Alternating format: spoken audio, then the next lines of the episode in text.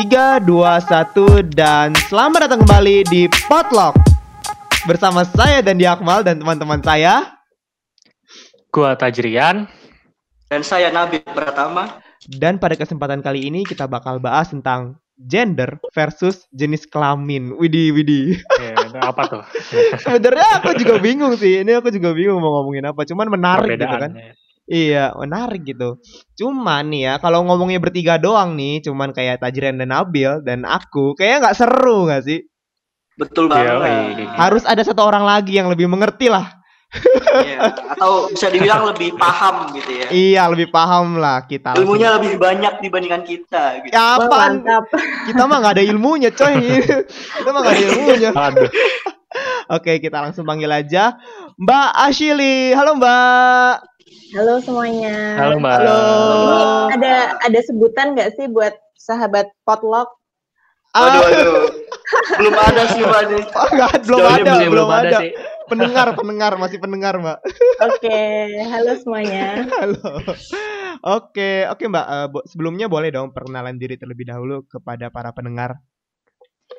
Oke, halo semuanya. Di sini aku Ashili Ahitsti, bisa dipanggil Hili supaya lebih gampang.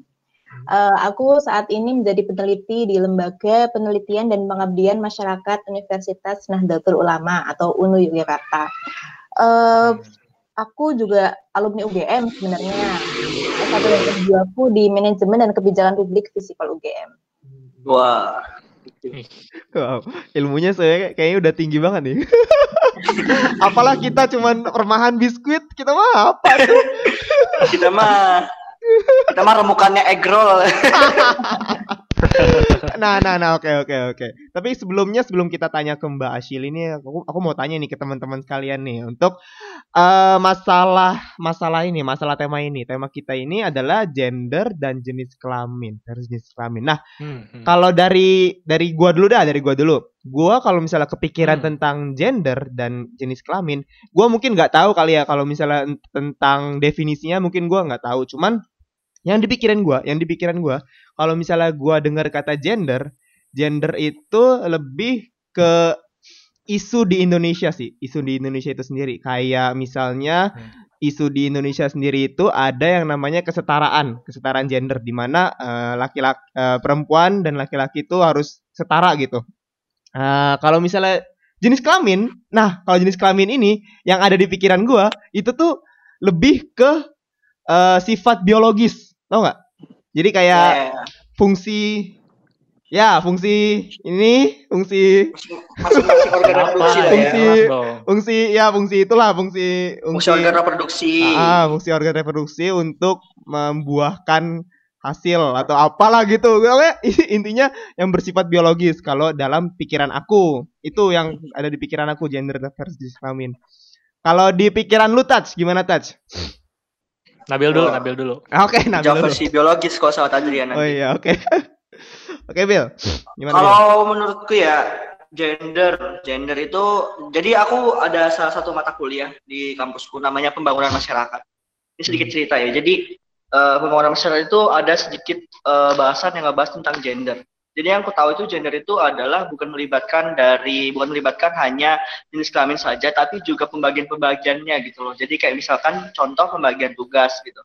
Kayak eh, misal eh, seharusnya perempuan itu eh, bekerjanya itu tidak berat-berat gitu. Contohnya ada beberapa kasus yang kita lihat gitu. Misalkan ada perempuan yang bekerja sebagai kuli bangunan gitu. Dan itu kan sudah menurut saya tidak tidak termasuk apa yang dikerjakan oleh laki tapi malah dikerjakan oleh perempuan gitu. Itu itu menurutku definisi gender versi aku gitu. Dan jenis kelamin ya mungkin eh, bisa di apa sudah sudah disebutkan oleh Gandhi juga tadi gitu. Kalau jenis kelamin itu ya hanya berdasarkan reproduksi gitu, reproduksi dan juga eh, anatomi dan eh, fisiologi lah gitu. Itu lebih ke ranah biologis seperti itu, itu sih kalau menurut aku. Itu doi. Oke, mantap banget. Kalau dari lu sendiri touch, apa yang kepikiran lu touch? Eh, ya, Eh, gender dan eh, jenis kelamin atau seks gitu ya, bisa dibilang kayak gitu. Hmm. Eh, gender itu kalau eh, menurut gua sendiri itu adalah kayak lebih ke eh, sifat gitu, lebih ke uh, lu laki-laki tapi sifatnya kayak cewek itu adalah gender gitu.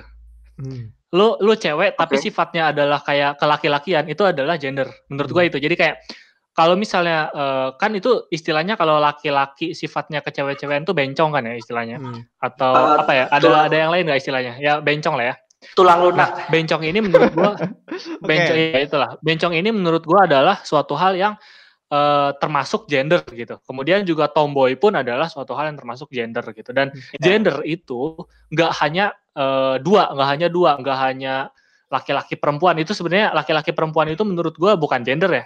Itu lebih ke hmm. jenis kelamin. Nah, yang nanti coba gue jelasin uh, berikutnya. Nah uh, gender ini lebih ke jadi kayak sifat daripada orang tersebut gitu. Kayak sifat kayak misalnya tadi yang dia adalah seorang laki-laki tapi dia sifatnya itu ke ke cewek-cewekan maka itu namanya gender bencong gitu kan istilahnya. Hmm. Terus yang yang cewek ke laki-lakian itu gendernya tomboy dan yang gua tahu gender itu bukan hanya ada dua, tiga, empat, tapi banyak banget uh, yang mana yang di, gender ini dipengaruhi oleh lingkungan dan masyarakat itu sendiri gitu. Hmm. Kemudian sedangkan jenis kelamin atau seks itu lebih ke uh, biologisnya karena secara apa ya? Secara biologis manusia ini kan uh, mengandung 46 kromosom Hmm. Kalau misalnya cewek XX, kalau misalnya cowok XY kan, kalian tahu kan itu. Iya hmm, betul. Nah, ya, jadi kalau jenis kelamin ini ya jenis dari kelamin itu kan kelamin cuma ada uh, cuma ada bentuk yang batang dan bentuk yang lingkaran seperti itu kan. Jadi nggak hmm. ada bentuk yang lain lagi selain dua okay. itu. Jadi kayak yeah, kalau yeah. jenis kelamin itu ya udah cuma laki-laki dan perempuan gitu. Jadi ada dua doang. Sedangkan kalau gender itu karena itu adalah bisa dibilang uh, ekspresi daripada sifat seorang yang mana itu akan banyak ragamnya gitu. Jadi kita nggak bisa jadi kita agak sulit untuk menentukan gender tapi untuk menentukan jenis kelamin kita tinggal prosotin aja celananya gitu. Oke. menarik banget, menarik ya, banget. Karena kalau jenis kelamin itu kan lebih jelas kalau menurut gua. Jadi kan ada kalau perempuan ya jenis kelamin perempuan dia punya vagina, kalau misalnya hmm. jenis kelamin laki-laki dia punya penis gitu kan. Hmm, iya, Istilahnya ya, ya. ya kasarnya kayak gitu. Kalau hmm. menurut gua kayak gitu sih jenis oh. kelamin dengan gender itu adalah dua hal yang berbeda. Iya, oke oke, agak frontal juga, tapi bagus bagus, keren keren keren, pendapatnya keren. Nah, sekarang kami mau tahu nih dari pendapat mbaknya sendiri, Mbak Asili. Wah, Menurut... kita direvisi kak. Iya mak, revisi aja kak, atau nggak disalah-salahin aja kak, nggak apa kak. Revisi, revisi. Ini ini sebenarnya tadi menarik ya, cuman kita perlu kesepakatan ya, boleh hmm. nggak hmm. sih ke depannya ini dalam podcast ini kita uh, kalau ngomong penis ya ngomong penis, kalau ngomong payudara ya ngomong payudara, kalau Tujuh sih mbak. Ya, maksudnya Ini, supaya ya. lebih jelas ya. Nah, yang pertama supaya lebih jelas, hmm. yang kedua supaya memang kita tidak mengandaikan hal yang memang ada di dalam diri kita. Hmm. Nah, da dari kecil aja kita sekarang dalam apa namanya dalam sex education aja kita sekarang uh, sudah mulai diajarkan untuk tidak tidak menyebut penis dengan sebutan lainnya kayak gitu. Hmm, itu betul. supaya hmm. dari kecil kita sudah mulai membiasakan bahwa memang kita punya penis, penis adalah hal yang wajar untuk laki-laki. Memang kita punya payudara, payudara adalah hal yang wajar untuk perempuan gitu ya. Hmm, okay, yep. siap, siap, Sepakat ya, berarti nanti kalau aku menyebut kayak gitu nggak ada yang terkaget-kaget ya. It's okay, nggak apa-apa, nggak apa-apa. Santai aja kak, santai, santai. Slow, slow. Ya, dan ini masih kecil kak soalnya. Oke okay, kak. Oke. Okay. Jadi sebenarnya gini, apa yang teman-teman obrolkan tadi itu kurang lebihnya tuh sudah menjawab sebenarnya. Kalau kita ngomong seks atau jenis kelamin itu memang ada dua, ada perempuan dan laki-laki dan itu terhubungnya adalah uh, uh, kondisi biologis. Hmm. Nah, karena kondisi biologis perempuan dan laki-laki itu adalah memiliki uh, hal yang berbeda. Kalau perempuan memiliki vagina, memiliki rahim, memiliki payudara, memiliki hormon uh, yang itu bisa untuk menyusui dan lain sebagainya. Nah, laki-laki jenis kelaminnya itu dia memiliki penis, uh, nanti hingga akhirnya dia bisa apa namanya bisa mirip basah dan lain sebagainya. Yeah. Nah, jenis kelamin itu tidak bisa kita minta dong. Kita nggak hmm. bisa dong kita minta terlahir sebagai memiliki kondisi biologis perempuan atau laki-laki. Benar nggak? Betul. Kita nggak bisa request kan? Iya nggak bisa request. Makanya itu berhubungan. Pre-order. Betul, kita nggak bisa kayak gitu. Makanya itu kita sebutnya bahwa jenis kelamin itu adalah hal yang given, hal yang tidak bisa diubah, hal yang pasti hal yang universal di setiap daerah bahwa betul hal yang mutlak bahwa perempuan itu memiliki uh, vagina, memiliki payudara, memiliki rahim dan lain sebagainya. Sementara laki-laki tadi memiliki penis dan lain sebagainya. Yeah. Nah, kalau kita berbicara tentang gender, itu tadi benar obrolannya adalah itu kita berbicara terkait tentang peran dalam sistem sosial. Misalkan, kenapa kok disebut dengan peran dalam sistem sosial? Misalkan, uh, kalau perempuan, nah tadi yang bilang bahwa perempuan itu tidak boleh bekerja angkat-angkat yang berat, itu termasuk dalam sistem gender kita. Yep. Nah, apakah itu salah atau tidak, itu nanti akan kita uh, bicarakan ya. Tapi itu termasuk okay, dalam bahasan gender kita. Okay. Nah, lalu misalkan kayak stigmanya kalau perempuan itu adalah orang yang lemah lembut, itu gender. Hmm. Stigmanya kalau laki-laki tidak boleh menangis. Nah, itu hmm, gender. Hmm. Kalian para lelaki nih pernah nggak sih misalkan lagi sedih-sedihnya tapi malu menangis karena laki-laki nggak boleh nangis kayak gitu. Iya. pernah, pernah, pernah, pernah. Nah, itu. Oh, saya malah adalah, melankolis. Nah, melankolis. Nah, kalau misalkan melankolis yang kebetulan uh, suka merenung kayak gitu, nanti dikira nggak cowok kayak gitu. Nah, itu nah, betul gender, banget. sistem gender di dalam masyarakat kita. Hmm. Benar atau salahnya nanti akan kita bahas selanjutnya. Lanjut okay. ya nih ya. Hmm. Lanjut, Mbak. Nah, oleh karena itu, karena gender itu adalah sistem uh, peran, peran dalam kondisi sosial masyarakat kita, makanya dari daerah satu ke daerah lainnya itu berbeda misalkan juga uh, anggapannya adalah zaman dulu perempuan itu ya pakai rok. Hmm. Hmm. Betul. Padahal saat ini perempuan pakai celana biasa. Itu yeah. adalah hal yang berubah. Ada ada dimensi waktu yang berubah, dimensi apa namanya dimensi lokasi juga bisa berubah dan itu bisa berbeda. Makanya tadi sifatnya sifat gender itu tidak tetap bersifat lokal dan bisa dipertukarkan. Bisa dipertukarkan hmm. maksudnya adalah uh, tadi misalkan lemah lembut buktinya juga ada kok laki-laki yang lemah lembut. Betul. Terus, nah misalkan apalagi ya, misalkan tadi uh, laki-laki identiknya dengan celana zaman dulu. Buktinya sekarang juga bisa dipertukarkan kok perempuan memakai memakai celana kayak itu. Itu adalah hal yang dipertukarkan. Itu tadi perbedaan dasar antara jenis kelamin yang itu bersifat given, takdir, universal, tetap tidak bisa di request. Nah, sementara gender ini karena konstruksi sosial, maka dia bersifat lokal, bisa diubah dan bisa dipertukarkan. Nah, tetapi dalam dimensi gender itu ternyata di dalamnya ada jenis kelamin. Hmm, gimana tuh? Misalkan menarik, tuh, menarik. misalkan ya, misalkan adalah kayak gini nih, uh, laki-laki rambut rambutnya laki-laki itu ya pendek Hmm. Kalau sampai laki-laki kok rambutnya panjang, eh, cewek itu jangan-jangan nah. Hmm. nah. Rambut untuk laki-laki harus pendek itu adalah gender. Hmm. Ketika yeah. ketika kita mau memotongnya supaya itu pendek seperti pandangan umum laki-laki itu adalah gender. Tetapi rambut yang memanjang itu adalah takdir. Hmm. Bisa dipahami nggak sampai sini? Iya iya okay, paham ya, paham, paham tadi. Nah, itu jadinya sebenarnya uh, tanpa kita sadari apa yang kita buat itu kita doing gender tapi sebenarnya di dalamnya itu ada takdir apa yang kita lakukan itu adalah gender sendiri lalu ini sebenarnya aku punya PPT sih Waduh, waduh. Waduh. Karena materi. Podcast, jadi aku ceritain aja ya. Hmm. Oke, Mbak. Santai. Nah, tadi tuh jenis kelamin. Jenis kelamin tadi yang perempuan itu memiliki vagina, memiliki payudara, hmm. terus habis itu ada indung telur, rahim dan lain sebagainya. Ada hormon untuk menyusui, prolaktin. Yeah.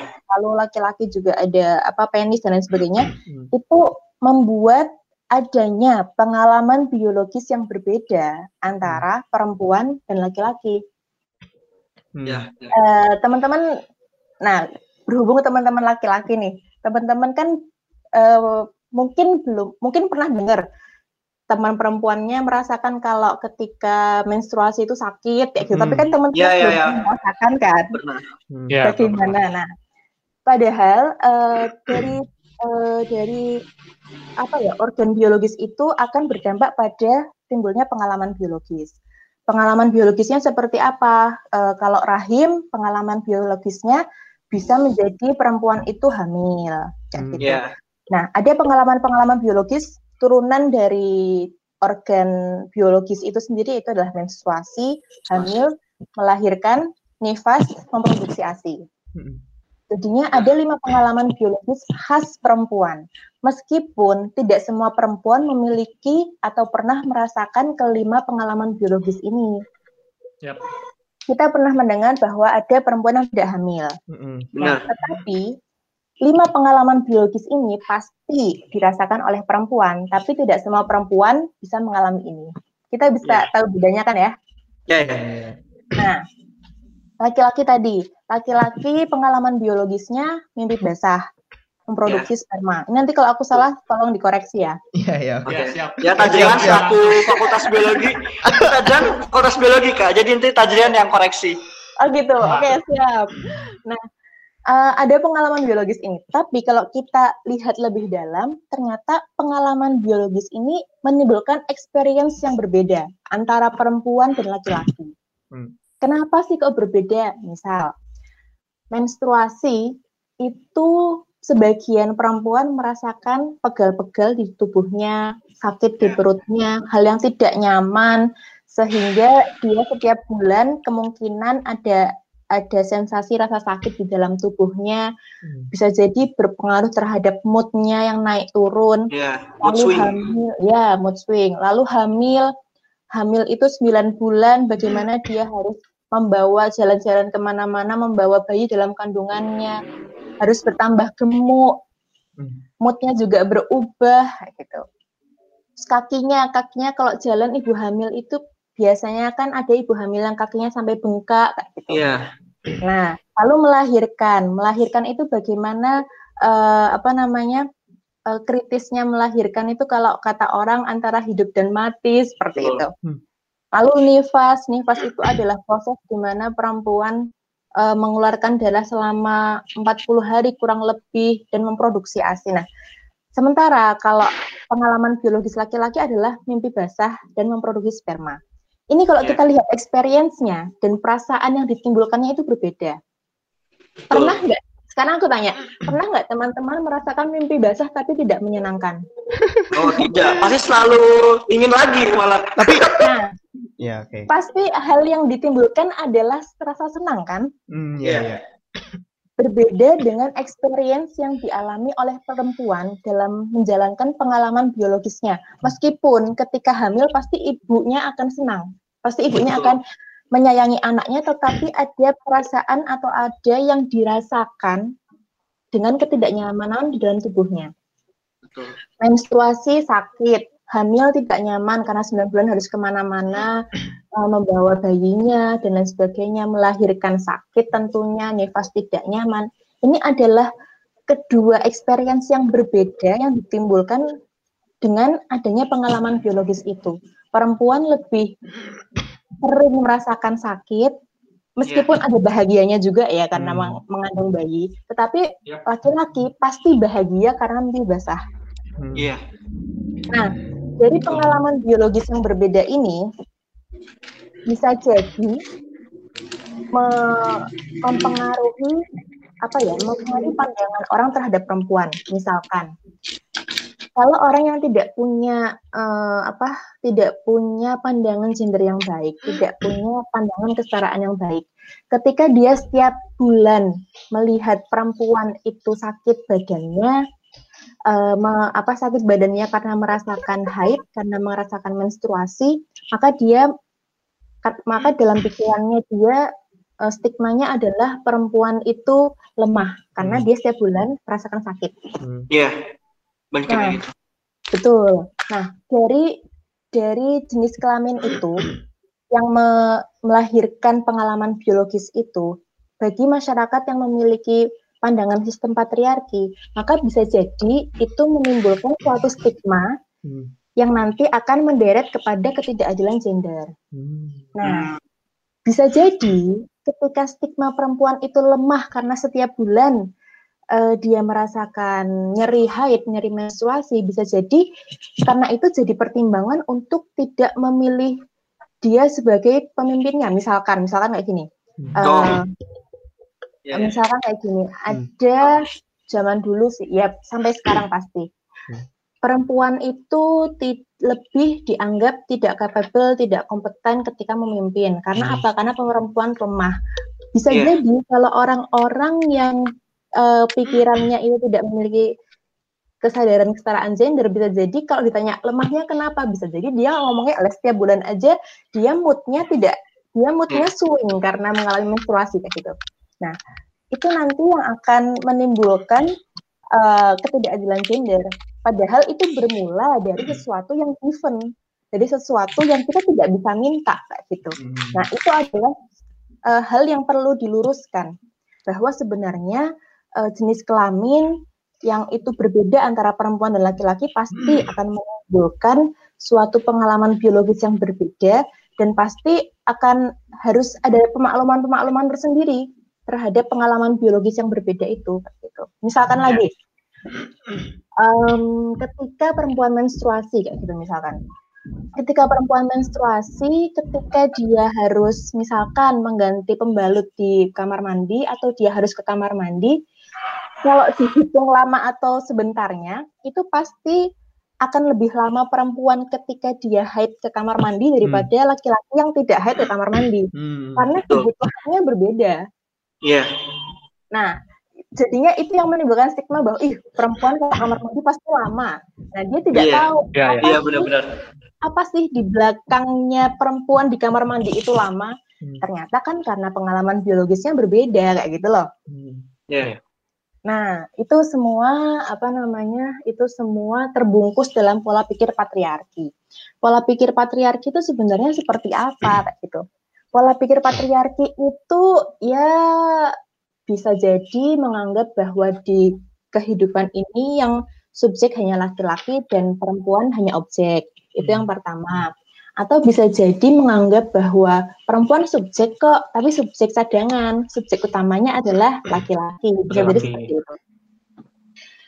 Nah, lalu dari yang tadi aku sempat sebut terkait tentang ketidakadilan gender, apa aja sih bentuk ketidakadilan gender itu kayak gitu. Hmm. Yang pertama ada stereotip, misalkan. yeah, stereotype. Uh, ya, ada yang tahu nggak sih stereotip apa?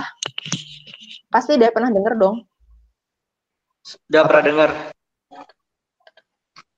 Apa stereotip, stereotip, stereotip. Apa apa? Stereotip? Ya. Yeah. Stereotip itu kayak citra baku gitu nggak sih? Citra tentang kelompok atau individu itu? Ya, ya betul. Oh, iya. Anjay. betul, mantap sekali. Pernah dengar, pernah dengar, pernah dengar. Nah, stereotip itu uh, adalah gampangannya gini, kalau kita sebut misalkan perempuan dalam satu detik apa tiga detik pertama apa yang kamu pikirkan? Nah itu stereotip. Hmm, Iya. Hmm. Yeah misalkan ketika tadi yang aku udah sebutkan perempuan itu distereotipkan lemah, perempuan itu eh, distereotipkan lemah lembut, perempuan itu distereotipkan selalu mengalah dan selalu menerima. Hmm. Sementara laki-laki distereotipkan gagah, tidak boleh menangis, uh, menang sendiri dan lain sebagainya. Hmm. Selalu menggunakan logika selalu menggunakan logika dan perempuan hmm. selalu menggunakan perasaan. Emosi, yeah. Itu adalah stereotip yang di apa yang ada di dalam masyarakat kita. Hmm. Itu yang pertama. Padahal sebenarnya kan itu bisa dipertukarkan dong. Uh, eh, yeah. kalau, kalau tadi yang disebut sebagai apa eh, laki-laki uh, yang melankolis itu juga pasti dia perasaannya bermain di situ kayak gitu. Betul sekali, saya setuju dan mbaknya. Betul, identitas perasaannya pasti lebih besar dong kalau yeah. dia yang melankolis. Nah, itu sebenarnya kan bisa dipertukarkan. Tapi karena hmm. adanya suatu stereotip itu nanti akan uh, apa namanya akan merembet ke, ke ketidakadilan gender yang lainnya. Lalu yang kedua adalah marginalisasi.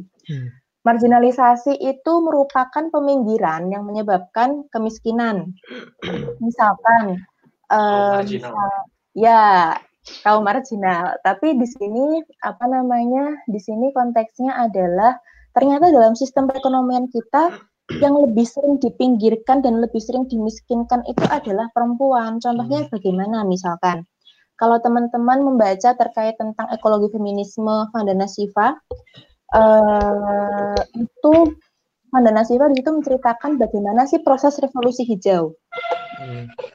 Uh, eh, yeah. Kalau boleh sedikit diceritakan, tapi pasti teman-teman sudah tahu revolusi hijau itu uh, ya suatu sistem di mana uh, perladangan, perkebunan sistemnya itu diubah menjadi lebih modern.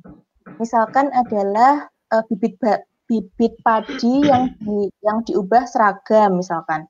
Terus hmm. berkualitasnya lebih tinggi misalkan. Hmm. Tapi ternyata dengan padi yang berkualitas lebih tinggi itu ternyata tinggi padinya itu tidak lebih tinggi daripada padi zaman dulu sebelum ada revolusi hijau. Hmm. Padahal dalam sistem persawahan, dalam sistem pertanian di Indonesia yang memegang ani-ani untuk memotong padi itu adalah perempuan. Nah, hmm. ketika padinya itu sudah lebih pendek, maka pekerjaan untuk memangkas ani-ani itu jadi hilang. Makanya perempuan tidak punya pekerjaan lagi. Nah, itu adalah salah satu bentuk marginalisasi. Hmm. Lalu okay. yang ketiga adalah subordinasi. Subordinasi itu memandang perempuan tidak penting dibandingkan laki-laki. Misalkan, kalau dalam suatu keluarga, perekonomiannya sangat terbatas, dia punya anak perempuan dan laki-laki. Ketika perekonomiannya terbatas, dia hanya bisa, orang tuanya hanya bisa menyekolahkan satu anaknya saja. Nah, dalam suatu kondisi keluarga yang tidak memiliki pertimbangan kesetaraan gender, maka kemungkinan yang akan disekolahkan itu adalah anak laki-lakinya. Karena anak laki-lakinya yang dianggap lebih didulukan daripada anak perempuannya. Padahal kalau dilihat secara kapasitas bisa jadi yang lebih berkompeten dan lebih apa ya, yang lebih berkompeten di bidang akademik itu bisa jadi yang perempuan. Tuh. Tapi pandangannya bahwa laki-laki yang harus didahulukan itu makanya laki-laki yang dipilih untuk disekolahkan itu misalkan seperti itu lalu yang keempat adalah ketidakadilan gender kekerasan ya yeah. teman-teman sudah pasti sudah sering tahu misalkan kekerasan yeah, yeah. bisa apa namanya bisa pemerkosaan terus hmm. habis itu juga pemukulan bisa pemukulan catcalling juga bisa jadi kalau yeah. ada yang lewat terus dibilang assalamualaikum uhti kayak gitu hmm. itu cuit yeah. itu, itu mau nyapa atau gimana kayak gitu hmm. nah itu bisa disebut catcalling itu uh, termasuk juga kekerasan verbal dan itu biasanya ditimpa apa dialami oleh perempuan. Lalu yang selanjutnya terima adalah beban ganda atau double burden. Jadinya misalkan kayak ketika dalam uh, dalam suatu keluarga perempuannya itu bekerja, istrinya itu bekerja, tetapi uh, beban tanggung jawab rumah tangga untuk mengasuh anak, untuk membersihkan urusan domestik, untuk memasak itu hanya dibebankan kepada perempuan karena dianggap yang pantas untuk mengerjakan kegiatan rumah tangga ya hanya perempuan padahal hmm. suaminya ongkang ngongkang hmm. kayak gitu iya benar benar benar benar itu adalah beban ganda itu adalah double hmm. burden yang ditimbulkan dari ketidakadilan gender hmm. uh, terus ketidakadilan gender tadi itu bisa jadi saling bersambungan misalkan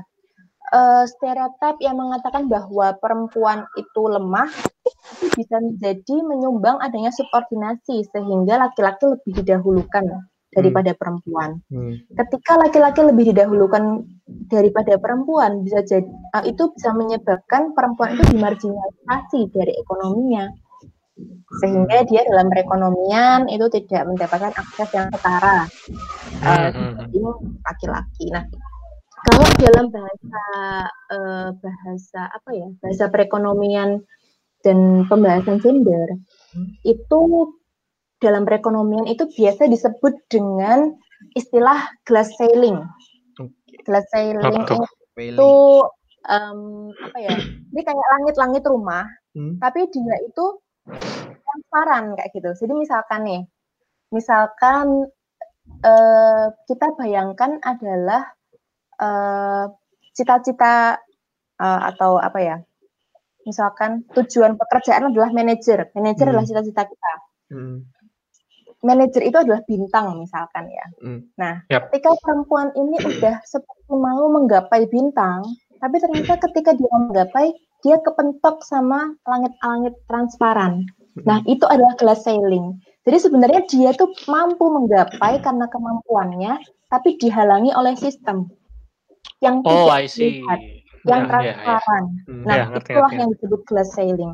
Itulah yang disebut dalam sistem ketidakadilan gender yang menimpa perempuan, baik itu apa namanya eh, berdampaknya bisa ke perekonomian. Ya, berarti ya memang gara-gara gara-gara ketidakadilan itu jadi ada gerakan-gerakan emansipasi seperti itu ya, Mbak ya?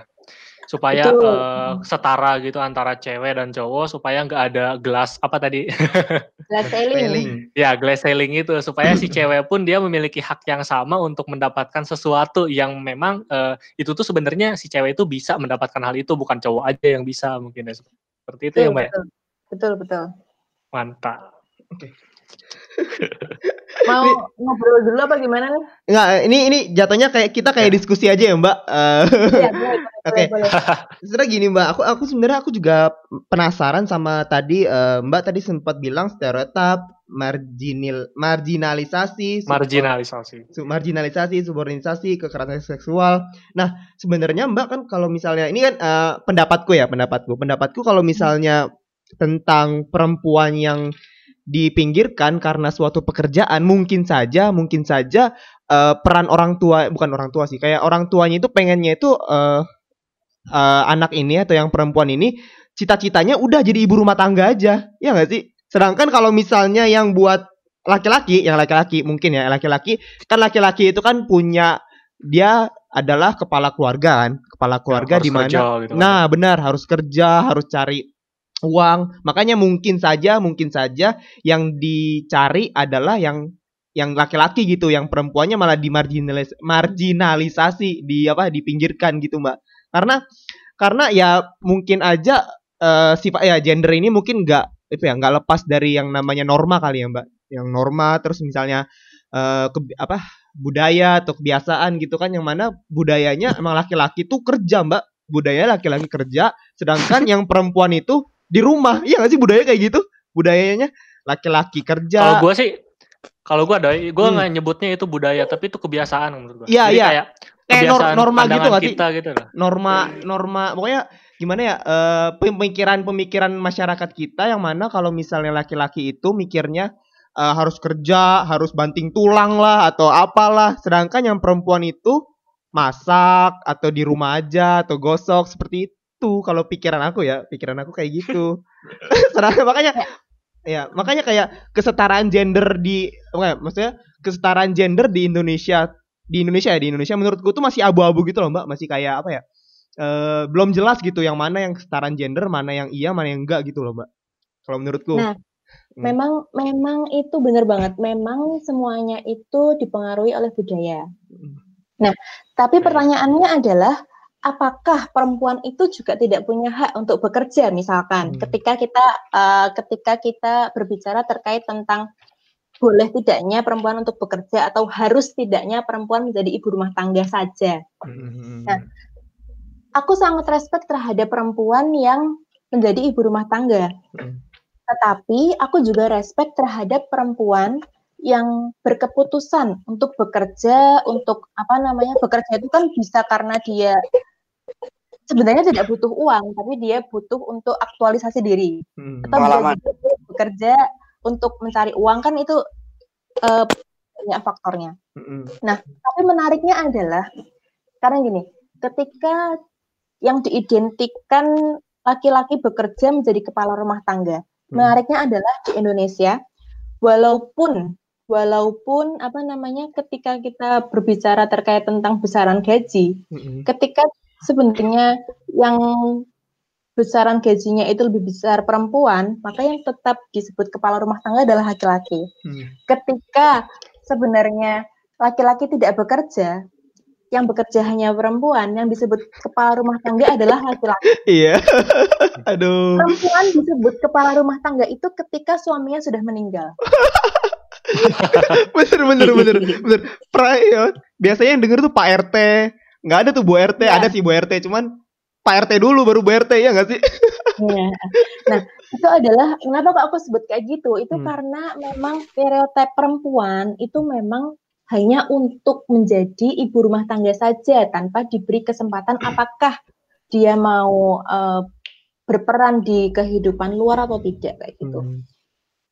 Gitu sih. Jadinya menurutku itu adalah memang itu eh, ada unsur budaya, ada Hmm. unsur kebiasaan di dalamnya. Tetapi apakah itu tidak bisa diubah? Karena apakah perempuan itu hanya boleh menjadi ibu rumah tangga tanpa berperan di luar? Meskipun padahal banyak sekali perempuan-perempuan di luar Hmm. yang itu juga nyatanya bisa untuk bermanfaat. Gitu. Gitu. Oke oke. menarik nih menarik karena ini bahasanya tentang isu gender ya. Isu gender di Indonesia. Hmm. Oke. Oke, saya, saya tunggu tunggu Pak. Oke. Oke. Oke.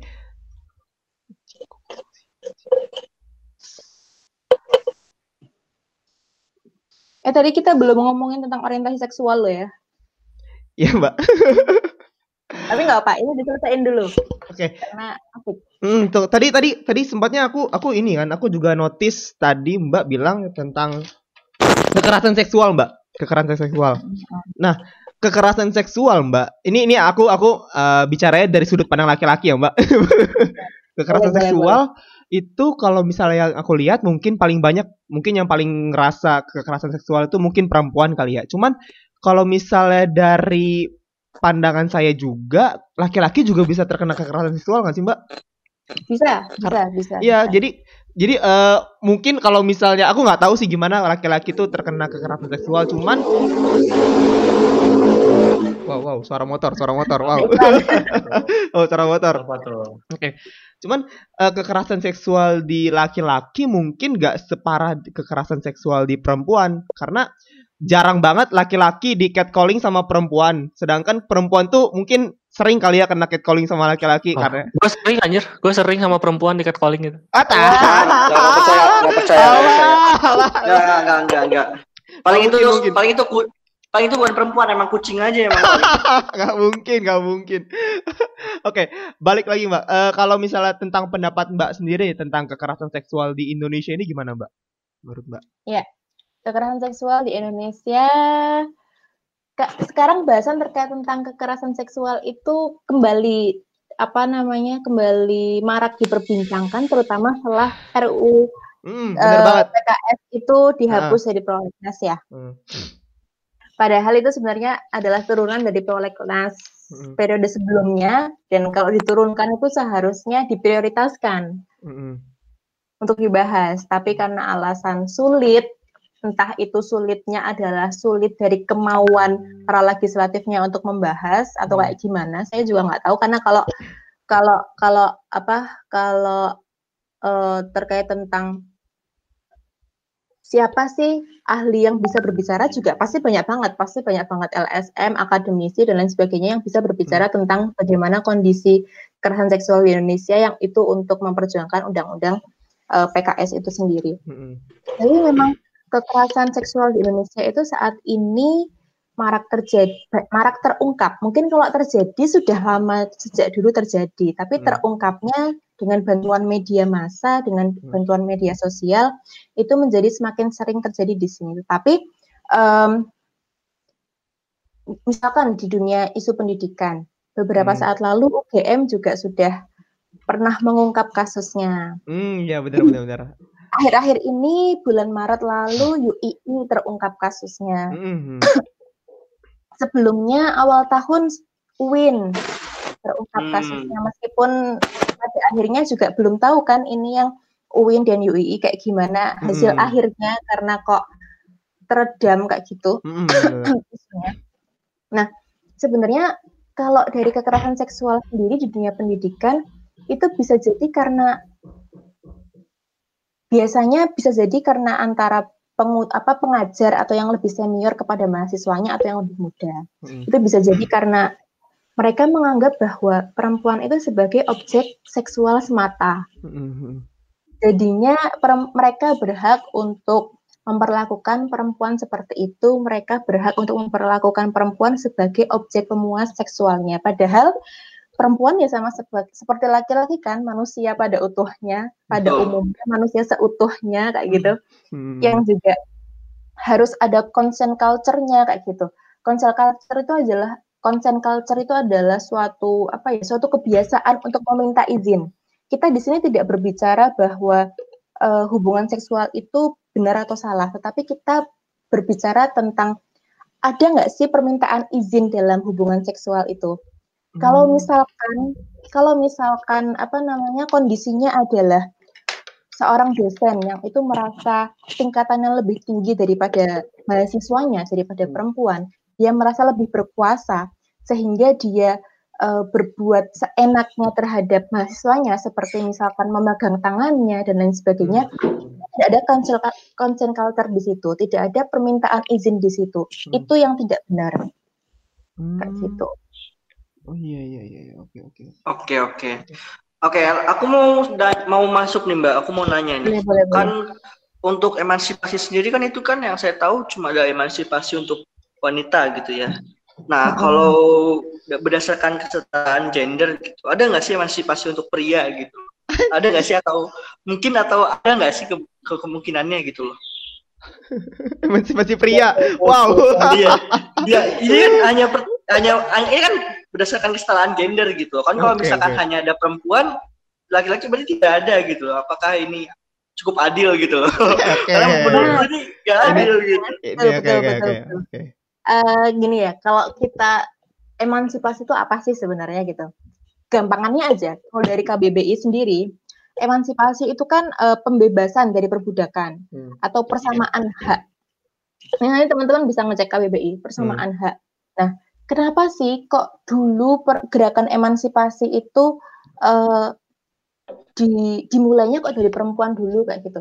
Karena memang menariknya adalah kondisi struktur di dunia ini itu memang masyarakatnya kondisi sistem masyarakatnya itu lebih menempatkan laki-laki itu di atas perempuan. Misalkan dulu di Amerika Serikat eh, pertama kali adanya gerakan untuk tahun berapa ya itu aku lupa. Adanya gerakan untuk supaya perempuan bisa memilih. Hmm. Karena dulu sejak dulu itu perempuan tidak bisa memilih untuk um, memberikan hak suaranya pada pemilihan umum karena dianggap tidak bisa memilih secara objektif. Hmm, kalau dia subjektif itu, Mbak. Ya, dianggapnya seperti itu. Nah, itu adalah bentuk stigma kan tadi, bentuk stereotip ya, ya, tadi. Nah, itu makanya kenapa kok yang berjuang untuk menyetarakan itu dimulai dari perempuan. Hmm. Karena yang merasakan ketidakadilan secara struktural itu adalah perempuan. Itu kasusnya di Amerika. Hmm. Kalau eh, di Indonesia misalkan, Indonesia tokoh emansipasi perempuannya yang pasti teman-teman akan menjawab Ibu, Ibu kita Kartini. Kartini. Nah, Pasti teman-teman akan menjawab seperti itu karena kondisinya pada saat itu kenapa? Kondisinya pada saat itu memang di kalangan ningrat itu perempuan yang sudah dianggap akil balik itu tidak boleh pergi ke mana-mana. Padahal hmm. dulu Ibu Kartini ingin apa namanya ingin memiliki relasi yang lebih luas dan lain sebagainya. Makanya dia mengirim surat untuk menjadi saluran pembebasannya seperti itu. Itu sih kenapa kok sejarahnya kenapa kok gerakan perempuan itu apa namanya gerakan perempuan me, mengusahakan hak kesetaraannya tetapi menariknya adalah saat ini pejuang kesetaraan gender itu tidak hanya perempuan laki-laki juga yeah.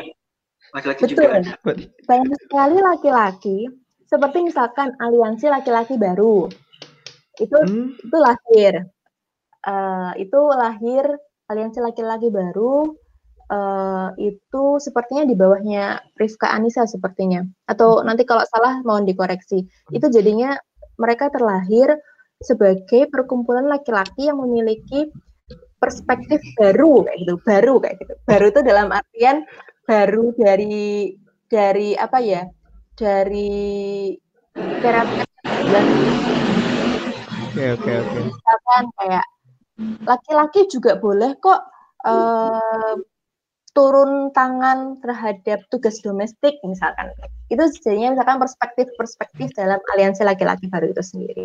Lalu saya juga uh, memiliki dosen profesor ahli gender juga laki-laki. Jadinya sekarang saat ini memang sangat banyak laki-laki yang apa yang ikut memperjuangkan hak kesetaraan gender. Hmm. Hmm.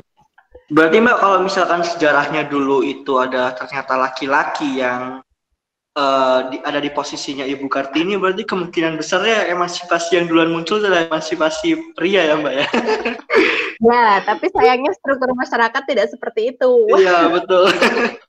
oh ini Mbak, saya mau nanya satu lagi menurut pendapat Mbak. Saya sering banget uh, dengar dari teman-temannya ibu saya gitu. Dan saudara-saudara saya juga gitu ya. Selalu ngomong gini, anak perempuan itu lebih rajin ketimbang dengan anak laki-laki. Itu menurut Mbak itu gimana? Hahaha. Aduh, aku tuh punya banyak teman laki-laki yang lebih rajin daripada aku sayang. ya, bisa jadi itu karena didikan sejak kecilnya mengkondisikan keluarganya untuk membuat uh, perempuan anak perempuannya lebih detail karena mungkin misalkan karena dalam keluarganya anak perempuan yang lebih sering diajak untuk memasak, misalkan memasak kan butuh kerajangi apa berambang dan lain sebagainya hmm, butuh yeah. penelitian kayak gitu. Sehingga itu lebih mengasah ketelitian perempuan daripada laki-laki. Menurutku itu uh, pengkondisian keluarga aja sih kepada anaknya. Hmm. Oke, okay, oke. Okay. jadi jadi sebenarnya ya itu Bill kalau misalnya lu mau dengar kata emansipasi pria ntar namanya bukan ibu kita Kartini lagi tapi bapak kita Kartono Oke. Oke, nggak kerasa waktu kita udah hampir 50 menit dan mungkin Tajrian ada yang mau tanya lagi? Nggak usah ya? Udah cukup sih. Oke, dan Nabil? Nggak kerasa banget ya. Uh, mungkin nanti yang orientasi di part 2 kali ya. Ya, mungkin mungkin yang orientasi seksual tuh mungkin jatuhnya ke jenis kelaminnya banget gak sih? Jadi ntar ke part 2 nya. Iya. Oke, kan dan oke nggak kerasa waktu udah hampir 50 menit, hampir satu jam dan kita langsung masuk aja ke closing statement. Asik. Nah, langsung aja kita dengerin closing statement dari Mbak Ashili. Halo, Mbak. Oh, ada closing statementnya nih. Iya, ada, Mbak. Iya, Oke. Oke. Apa ya? Um, Mungkin jadi, pesan atau apa? Ya. Jadi perlu kita perlu kita sadari bahwa jenis kelamin perempuan dan laki-laki itu berbeda, yang itu me, me, apa, berdampak pada pengalaman biologisnya yang berbeda. Dari pengalaman biologis yang berbeda itu kita perlu untuk memahami bahwa memang perempuan dan laki-laki itu memiliki kebutuhan yang berbeda untuk merespon pengalaman biologis itu. Dan untuk merespon pengalaman biologis yang berbeda itu bukan berarti perempuan itu lebih rendah daripada laki-laki karena semuanya memiliki kesetaraan yang sama, baik itu dalam ranah perekonomian, akses politik, dan sebagainya. Dah, gitu dulu closing statementnya. Oke, mantap, mantap banget, keren banget. Oke, dan sekali lagi terima kasih Mbak atas waktu dan insight yang Mbak kirimkan ke kami-kami semua. kirimkan. kirimkan. Dan teman-teman sekalian, terima kasih juga kepada teman-teman yang telah mendengar podcast pada hari ini. Dan kalau misalnya saya, Tajrian, Nabil, dan Mbak Ashila ada salah-salah kata, tolong dimaafkan saya. Iya. Oke. Oh iya, kalau misalnya oh ya Mbak, Mbak sendiri ada yang namanya Instagram nggak Mbak? Ada, ada, ada. Oke, kalau misalnya kalian kepo sama pembicara pada hari ini bisa dong di follow Mbak Ashili. Di mana Mbak? Uh, in, jadi aku punya Instagram pribadi dan juga Instagram media sosial terkait dengan terakhir. Okay. Kalau Instagram pribadiku itu adalah ashilly underscore achidsti nama lengkapku. Oke. Okay. Itu okay. untuk uh, nanti bisa ya tolong ditulis kayaknya ini itu deh ribet deh. Oke, okay, okay. ntar ntar itu lah ada itunya di TK-nya. Ya. Oke. Okay. Nah kalau Instagram terkait tentang media sosial yang aku bangun dengan teman-teman terkait kesetaraan gender dan hmm. juga hubungan yang sehat itu hmm. teman-teman bisa uh, apa namanya mampir ke Instagram Will Sharing W E L L S H A R I N G. Oke, well sharing ya. Well sharing. Oke. Iya. Oke, Mbak. Sekali lagi Mbak, terima kasih Mbak. Ya Allah. Terima kasih juga Keren banget. Diundang. Oke. Gua Tajrian. Dan saya Nabil Pratama. Saya Asili Ahitsi. Dan sampai jumpa Dan di sampai podcast jumpa selanjutnya. podcast selanjutnya. Goodbye. Terima kasih. Thank you, thank you, thank you.